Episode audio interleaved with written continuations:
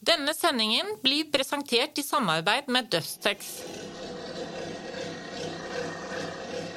Boliger og veier blir ikke bygd fra heimekontor, men er byggenæringen likevel blitt mer digital i koronaens tid?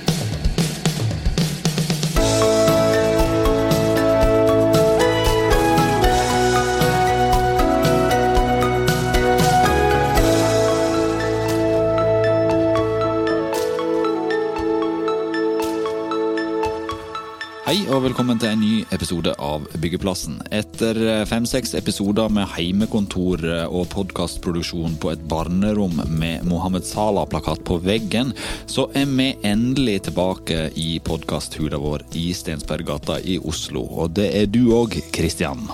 Ja, og er det noe koronaen har lært oss, så er det hvordan spagetti à la Capri på boks smaker, at det er lurt å kjøpe gjær og dopapir, og hvordan Teams fungerer. Så i dag skal vi snakke om disse nye digitale møterommene og hvordan norsk byggenæring, skolen og arbeidslivet ellers er blitt hastedigitalisert over natta. Og vi har med oss administrerende direktør i Byggevareindustriens forening, Jøns Sjøgren, i studio. Og på telefon har vi med oss IT-ekspert Torgeir Waterhouse fra konsulentfirmaet Otte. Ja, og Da kan vi begynne med byggenæringens representant Jøns Sjøgren. Du representerer rundt 200 bedrifter i byggevareindustrien. Og Hvordan har koronakrisa påvirka digitaliseringen i dine bedrifter? Ja, Først etter at uh, dette ble stengt ned den 12. 12. mars, uh, så var jo det koronasjokket med å sikre med byggeplasser med smittevern og den type ting det vi nå eh, Alle ble jo sendt på hjemmekontor, de som kunne det. Og, og de som eh, byggevareproduksjon er fortsatt en fysisk produksjon, så folk må jo komme til et arbeidssted for å, å, å produsere. Og Byggenæringen er jo en av de bransjene som faktisk er blitt holdt i gang gjennom at byggeplassene går. og Dermed så opprettholdes både stort sett salg og produksjon som normalt. Eh, og altså, Digitaliseringskonsekvensene av, av, av dette her, her, er jo at når folk jobber på hjemmekontor, så ser vi at eh, de blir jo tvunget til å lære seg nye verktøy og ta i bruk allerede det som finnes på PC-en av samhandlingsverktøy. Og, og, dette med Teams og, og, denne type er jo en sånn typisk eh, Og Zoom og alle de andre samhandlingsplattformene. Det er jo det som nå blir innført sånn mer eller mindre over, over natta. Men kan du gi noen andre konkrete eksempler på, på hva man gjør? Nei, altså sånn på Helt konkret altså, er det jo flere altså, aktører eh, i byggenæringen. Altså, sitter, og samhandling er jo en, eh, en, et, et, nøkkelord her. Og for vareprodusenter så er det jo viktig å samhandle med kunden, kundene sine. Så klart at dette med, med, med selgere nå som sitter på hjemmekontor istedenfor å kjøre rundt i firmabilen og besøke kunder, det er jo en ganske stor endring av atferd som de nå gjør. Og da begynner du faktisk å se at, eh, at det fungerer å, å, ha kundemøter også digitalt. Og det vil jo gjøre, medføre store innsparinger i reisetid og kanskje mer effektive møter også. Da skal vi prøve å få den digitale gjesten vår eh, kobla på her. Og du er bokstavelig talt digitalt eh, til stede, Torgeir Waterhouse. Eh, I et intervju med NRK sa du nylig at vi er i ferd med å gjøre oss erfaringer nå på teknologifronten som vi vanligvis hadde brukt 10-15 år på ellers. Eller kanskje til og med aldri hadde våga å teste ut. Hva er det du legger i det? Ja, det handler jo om, som vi bl.a. akkurat hørte, dette med f.eks. bruk av Teams. altså det å få Hvor du har samtlige ansatte på en arbeidsplass, enten det er i byggenæringen, det er eh, i eh, den vanlige kontorgjengen, uavhengig av sektor, om det er i utdanningssektoren, eh, hvor alle lærere er på, på dette. Og, og, mange selvfølgelig ikke er, men likevel de som er på, er de som har hatt denne erfaringseksplosjonen. Eh, du kan se på f.eks. på kultursektoren, hvor det over natta har blitt helt vanlig å ha konserter over internett. Så noe som antagelig ikke ville blitt forslaget du ble hørt ferdig på hvis du hadde foreslått det for tre måneder siden. Så det er nettopp den der situasjonen hvor, hvor nærmest alle, enten de er i jobb eller ikke, har måttet begynne å forholde seg til hverandre i de forskjellige rollene sine ved hjelp av nettbaserte tjenester og har fått en kollektiv erfaring og har fått på godt og vondt som det ville tatt oss mange mange år å komme til ellers. Mange ville vi kanskje ikke fått å forsøke noe av det, selv om vi hadde forsøkt oss med tvang. Du nevner Teams, og i Veidekke så hadde de god timing. De gikk fra Skype til Teams i februar. Og de forteller at før koronaen så hadde de mellom 150 og 170 møter på Teams hver dag. Nå er det 1200. Det sier jo litt om potensialet. Ja, absolutt. Og, og det tror jeg at noe av det som, eh, som er, eh, blir spennende å se i diskusjonene og i, i eh, praksisen fremover, når vi kommer tilbake i noe som kan minne om en slags normalsituasjon, det er hvordan vi forholder oss til dette. For det er klart at Dette vil aldri kunne, og skal heller ikke erstatte all menneskelig kontakt. Men, men det er veldig mye. Du kan liksom se at du har liksom to hovedformer da, for, for, kontakt hvor Teams og, og tilsvarende løsninger kan være kjernen det er jo ganske mange møter som kan erstattes, altså fysiske møter som kan erstattes med den møteformen. Mm. Og så er det ganske mye annen kontakt som vi har hatt eller ikke har hatt, som, som også nå kan bli bedre gjennom at man bruker den type plattformer. Uh, bare en sånn enkel ting som å kunne se samme dokumenter på skjermen samtidig som man snakker om det sett opp mot å, å, bare snakke om det på telefon uten å kunne vite hva man ser på, eller være sikker på at man ser på det samme osv. Eller f.eks. å være på en byggeplass og kunne snu kameraet på telefonen sin og så vise, det, vise fram det man snakker om. Så det er nettopp der, alle de der små forbedringene overalt som jeg tror at den kollektive erfaringen vi har nå, kommer til å skli inn i. At det blir like selvsagt å, å fyre opp en videosesjon som det har vært å sende en tekstmelding. Eh, du, Kristian eh, her var inne på eh, Veidekke, som er en stor entreprenør på, i vår bransje. På byggherresida så har vi Statens vegvesen, vi har Statsbygg og vi har Nye Veier.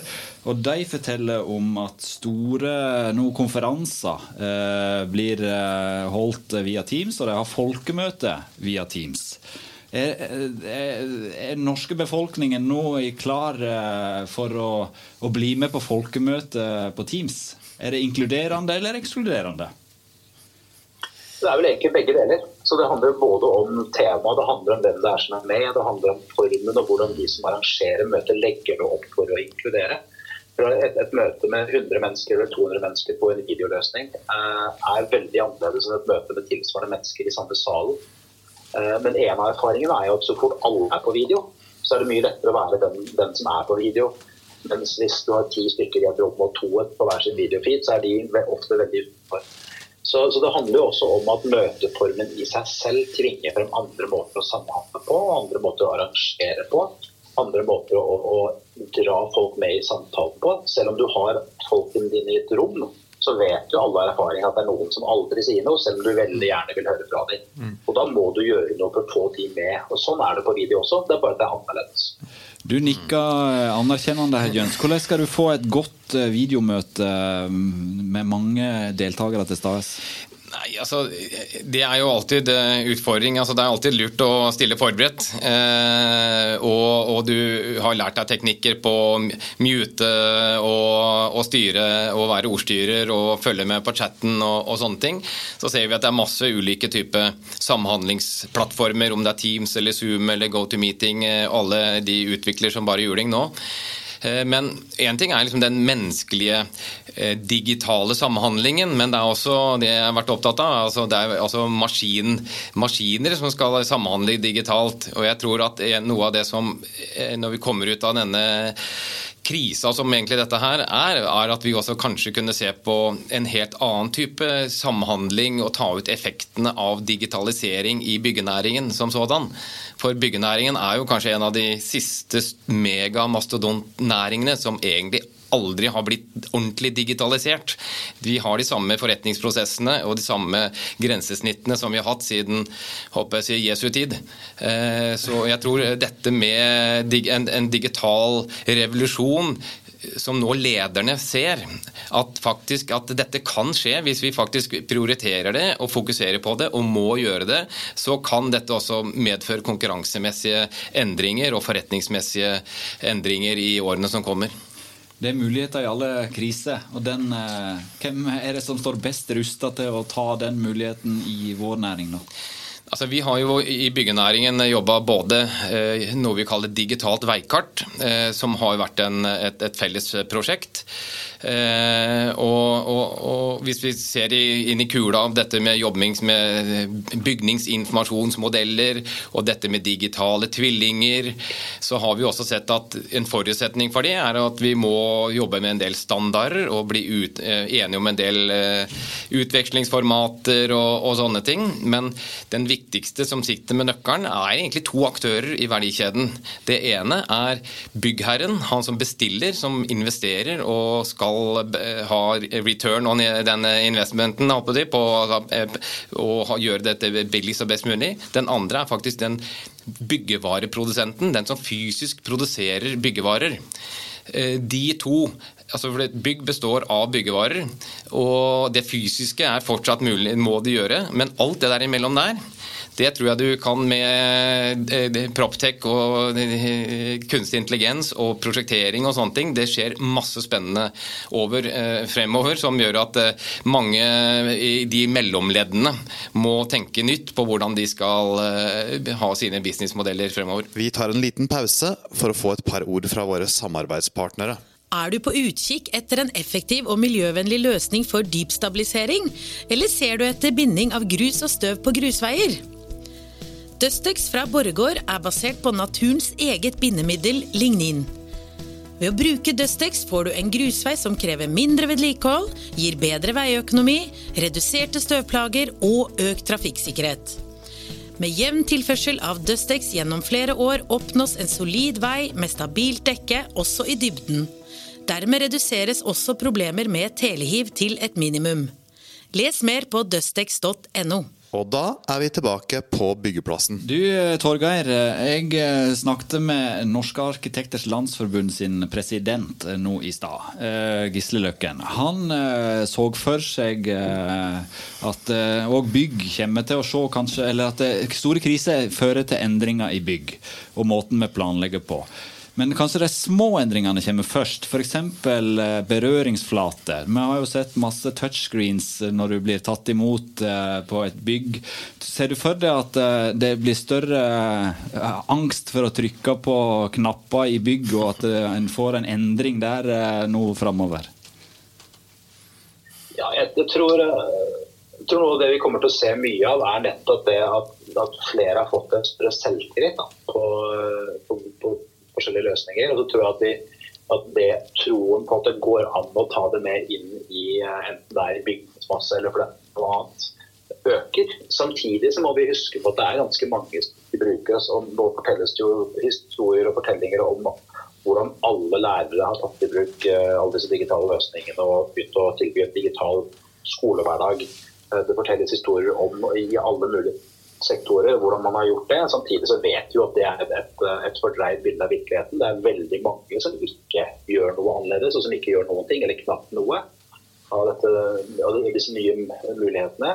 Så, sånn at eh, vi, vi, må få til begge deler her. Eh, jeg tror at eh, vi kommer til å komme ut av dette med en helt annen tilnærming til både regulering og standardisering også av bruk av teknologi i forskjellige sektorer, og særlig inn i bygningsmasse, da, som igjen på mange måter kan regnes som del av samfunnets grunn, infrastruktur eller grunn, grunnpremiss for at samfunnet skal fungere.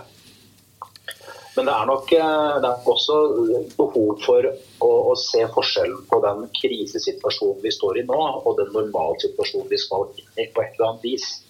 At vi gjør ganske mye nå, f.eks. med videomøter, hvor vi vet at vi tar noen snarveier og hopper over noen kvalitetspremisser og prosesser, fordi at det er ikke en permanent situasjon. Og, og bygningsmassen vår er jo selv om den ikke er permanent, så er den jo veldig langvarig. Sånn at det er viktig å klare å treffe det balansepunktet mellom eh, å ta i bruk den eh, utforskningsviljen og evnen vi har sett nå, og, men samtidig kombinere det med det langsiktige og med, med standardisering i bunnen. Men er ikke terskelen, vil ikke terskelen for å bruke andre ting enn hyllevare fra noen av verdens største selskaper være vesentlig mindre når vi kommer gjennom det her på andre sida? Jo, det, det, både tror og håper jeg, samtidig som man må, må, må se forskjell på uh, altså Hyllevare er på mange måter et litt sånn forvirrende begrep. fordi at uh, Man kan forledes til å tro at, at, det betyr at det er noe som er standardisert og noe som er, fungerer i samspillet samfunn rundt. Mens veldig mye hyllevare er jo ikke noe bedre tilpassa eller bedre har noe bedre langsiktige forutsetninger nødvendigvis enn annet som er skreddersøm eller, eller kommer fra noen nye aktører. Mm. Så, har, så, selv om du, du, senker den terskelen og villigheten til å eksperimentere, villigheten til å prøve ut, så må du likevel passe på at du har et langsiktighetsperspektiv.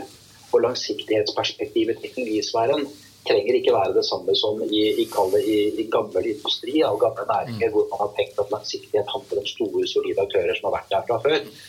Eh, men at man må, se hva er det nå vi skal se etter, som skal gi oss den langsiktige tryggheten, eller det nødvendige nivå av langsiktig trygghet. Ja, En kommentar til det. Altså, vi har jo sett at uh, altså, mange av de store verdensomspennende softwareleverandørene, både på mer generisk software som Microsoft og Apple og sånne ting, men også på, uh, på bygningsrelatert software som Autodesk og den type ting. Altså, vi ser at det vi gjennom digitalt veikartarbeidet har liksom erkjent, at vi må ha noe vi kaller et sett, en sånn felles digital grunnmur som vi ikke konkurrerer på. Og Da medfører det også liksom at da kan det komme opp masse små kul software som bruker denne samme grunnmuren, eh, og lager kule apper og samhandler på toppen av et sett med standardregistre som vi er blitt enige om. Eh, I, og jeg tror at Istedenfor at alle Hittil i dag så er det mange at man bygger opp sine egne proprietære økosystem. og da må du liksom, eh, da, Hvis du er inne i det økosystemet, da får du det til å kommunisere. Men vi, vi som byggevareprodusenter vi sitter nå og legger vår produktinformasjon inn i mange sånne ulike økosystemer, og det koster masse penger. Det vi ønsker, er å prøve å lage en datastruktur på hvordan vi, vi, vi beskriver og, og, strukturerer eh, dataene i henhold til åpne internasjonale standarder, og dermed så kan hvem som helst knytte seg på. Og Dette vil også være, medføre stor mulighet for norske softwareleverandører og innovasjon og, og ikke minst nye forretningsmodeller. Hva slags eh, utfordringer er det oppi dette? her? For det er jo eh, Nå kaster Ingen av oss, eller veldig mange av oss, er i hvert fall ikke IT-eksperter. Eh, jeg ser for meg at det er noen sikkerhetsutfordringer her å gå i òg. Felle. Jeg tror at altså, Allerede i dag så finnes det masse masse spennende software eh, i byggenæringen som nesten ingen har tatt i bruk. Og, og, mange av software-leverandørene de ligger mm, også årevis foran i funksjonalitet enn det vi har klart å, å Men på trygghet, på sikkerhet, er det datasikkert nå? Ja, det, det, det, vil alltid være en utfordring. Men det, det jobbes også med, med, med, med, det. For vi vet jo at vi har jo sett eksempler på software som sender data, altså med skybaserte software f.eks., som en del har vært opptatt av at da sender de data et eller annet til en server i Kina eller til Eh, USA eller eh, sånne ting. Så det er klart at det er eh, selvfølgelig viktige ting som vi må ta hensyn til der når vi skal jobbe i, i skyen. Der har du helt sikkert noen tanker, du og Torgeir Waterhouse, om sikkerhet og sånne ting. Er det noen utfordringer f.eks. ved å ha et møte i Teams, da? Ja, altså der har du jo og Det er igjen nettopp det å se um, forskjellen på, på, både forskjell og likheter mellom et vanlig fysisk møte. Altså, vi, de fleste av oss har det jo under huden at, uh, at, det er forskjell på å sitte i et lukka møterom hvor det garantert ikke er mikrofoner fordi alt ligger rett på utsiden av utstyr, uh, til et vanlig møterom til å sitte i kantina på, på arbeidsplassen eller byggeplassen, uh, til å sitte på bussen eller en kafé eller hjemme hos noen osv. Vi, vi, forstår relativt instinktivt nærmest de forskjellige graderingene av hvor åpne vi kan være, hva vi kan snakke om og ikke. Samtidig så, så, Men det er annerledes i f.eks. Teams. da og så er det forskjellige nivåer. ikke sant? Fordi Det kan være alt fra at du har et åpent møte som hvem som helst som tilfeldigvis har fått tilsendt linken, kan gå inn og følge med. Eh, det kan være møter hvor eh, den som har invitert til møtet, har mulighet til å ta opp møtet i senere bruk. og kan Alt fra å spre det til å klippe sammen en ny virkelighet osv. Uh, og så kan det være det at, at en møtedeltaker sitter i et rom hvor ikke du vet hvem andre som er i rommet rundt vedkommende, sånn at det kan mm. sitte noen som ikke du ser på kamerautsnittet som får med seg alt som ble sagt og gjort i møtet. Mm. Så det er mange sånne nivåer, og vi må, bare, vi, igjen, vi må lære litt de forskjellige nivåene av hvor vi skal tillit til dem. Og så er det en problemstilling som også ble reist med hvor data havner og hvilke systemer vi har i bruk. at Da har vi gått over på systemeiers ansvar. Det kan ikke være sånn at den enkelte arbeidstaker må skal drive og gjøre egne vurderinger av om den videoløsningen er bedre enn den videoløsningen, eller om kan jeg stole på dette verktøyet her. Det må arbeidsgiver ta seg av. Det er arbeidsgivers ansvar. Um, og, og arbeidstakers ansvar er å bruke de verktøyene man får tilgang på, i tråd med uh, de retningslinjene som er gitt. Og så er det sånn nå da, at En av de store utfordringene vi kommer til å ha, og vi, vi står midt oppe nå kommer til å dra med oss inn i tiden etterpå, det er det vi kaller shadow IT, eller skygge-IT på norsk. Altså Hvor arbeidstakere uh, gjør ønsker å gjøre jobben sin, og de finner fram til verktøy for å få gjort det. Og så har vi ikke som, som ansvarlig arbeidsgiver og ansvar for dataflyt bl.a. Da ikke kontroll på hvor data er, fordi at alle folk bruker en eller annen løsning. Sånn at uh, I situasjonen vi er i nå, skal vi leve godt med det. Folk må tenke seg godt om å være så bevisste som mulig. Og i fasen etterpå så skal vi stramme inn og rydde opp uten å ta bort folks iver etter å bruke verktøyene for å gjøre jobben sin men i en, og uten å komme med pekefinger. Men vi skal rydde opp etterpå, for da trenger vi, da skal vi inn i en mer normal og da trenger vi kontroll på dataflyt på en helt annen måte. Tilbake til det litt mer praktiske, Torgeir. Hva skal til for å få et godt møte i Teams? Ja, det er uh, alt fra uh, hva slags hardware folk har. Det mm. å ha gode mikrofoner, gode kameraer det å ha god nettforbindelse, eh, det å være bevisste på at eh, det er bare de møter som trenger å være der, som er der. Eh, det å ha planlagt møte på samme måte som ellers. Og det å kjenne den sosiale koblingen mellom folk. Er det formelt, er det et uformelt møte osv. Så, mm. så, så det er mange av de vanlige tingene, men på toppen av det så kommer jo da at det er annerledes. Man ser ikke nødvendigvis hverandre på samme måten. Det kan være vanskeligere å holde oppmerksomheten oppe over lang tid. Så det er viktig å, å ikke la møtene strekke ut. Det er alltid viktig for øvrig. Um, så er det nettopp det som sagt, da, å ha god teknologi og, og, passe på at det fungerer godt for folk. Er det dårlig lyd, er det dårlig bilde, så faller, folk fra. Uh, og, og, Mange arbeidsgivere brukte jo de første dagene etter at uh, isolasjonsfasen kom, til å sende ut utstyr. Passe på at alle hadde nødvendig utstyr hjemme mm. som de kunne ta i bruk. Uh, så, så, så være bevisst på disse helt enkle lav, lavthengende fruktene her, det gjør veldig, veldig mye. Men også være bevisst på at selv om det nå har blitt veldig vanlig, og alle snakker om det som om det er en dagligdags affære, så er det mange som syns det er ubehagelig å sitte på et kamera. Det er folk som syns det er ubehagelig å ikke kunne se de som hører dem snakke osv. Så, videre. så også være bevisste på det, og så jobbe med kulturen på hvordan man skal få til eh, den gode samhandlingen i sånne digitale rom. Du, eh, Jøns, jeg kan begynne med deg. Torgeir kan sikkert si noe om det, han nå. Men det er mange startup-bedrifter som prøver seg i uh, byggenæringen. Det går på VR. Og det, ja, det er veldig mange startup-bedrifter på Proptech-sida spesielt. hva tror du denne krisa vil gjøre med, med gründerbedriftene der ute? Står vi i fare for å miste litt teknologi her på veien òg? Eh, ja, Det kan alltid være en, en, en risiko for det. Altså, startuper er jo det som det ligger i ordet. Altså, de er jo startups og har jo eh, på mange måter ennå ikke noe ordentlige inntekter. Så, så de har ikke noe, kanskje noe omsetningsfall eh, engang. Det kan gå at de har noen, noen kundecase og noen pilotprosjekter som blir utsatt pga. at de ikke klarer å få med seg den pilotkunden til å teste ut eller gjøre ting. Men Tror du en av dine kunder, eksempel, nei, en av dine medlemmer i byggevareindustrien vil vegre vegrer seg mer nå mot å gå inn i en startup-bedrift enn det de gjorde før? Nei, jeg tror egentlig akkurat nå når det verste sjokket er over, så tror jeg at eh, det er relativt likt eh, som, som sådan. Jeg tror at det er andre ting som eh, vil kunne være viktigere, eller på om de er med på en sånn type prosjekt eller, eller ikke. Og så litt sånn generelt også til startups er det også at det, der er det jo Eh, det har jo vært et virkemiddelapparat også som prøver å gi, gi litt sånn eh, følge med, følge med, de også, men, eh, men, det er risikosport å drive med startups uansett. Så der er det jo, jeg vet ikke om det er åtte eller ni av ti som, som, feiler, så prøver de bare en gang til. Hva tror du Torgeir, om startup sine vekstkår i disse tider? Det er som det ble sagt her, at det er, det er, vanskelig for mange fordi at hele markedet deres stopper opp. Det er jo flere selskaper som akkurat nå skulle begynne å levere og, på, og kunne fakturere og tjene penger.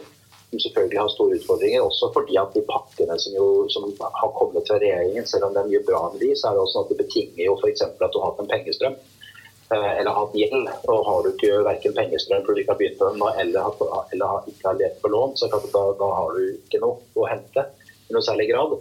Eh, noen bedrifter blir jo, og leverandører stopper ting som de bare kunne latt gå, og dermed hadde holdt hjulene i gang hos mange andre også. Eh, noen er redd for å gå på startups fordi de er redd for usikkerheten som ligger i det. Så jeg tenker, jeg tenker at vi må, vi må, forsøke så godt som mulig å tenke som om det er en normalsituasjon, og jobbe ut fra det. og Jobbe med det langsiktige perspektivet. Og så må vi være veldig klar over i de etablerte aktørene at uh, man er helt avhengig av at det kommer til nye aktører. Man er avhengig av et levende økosystem. Og Det betyr også at hvis du har lyst til å ha gode, eh, innovative leverandører å samarbeide med om, om ett år, og to år og tre år, ja, så må du også samarbeide med dem nå. Du nevnte rammene på et møte. Vi har en ramme på rundt en halvtime på podkasten vår, og der er vi nå.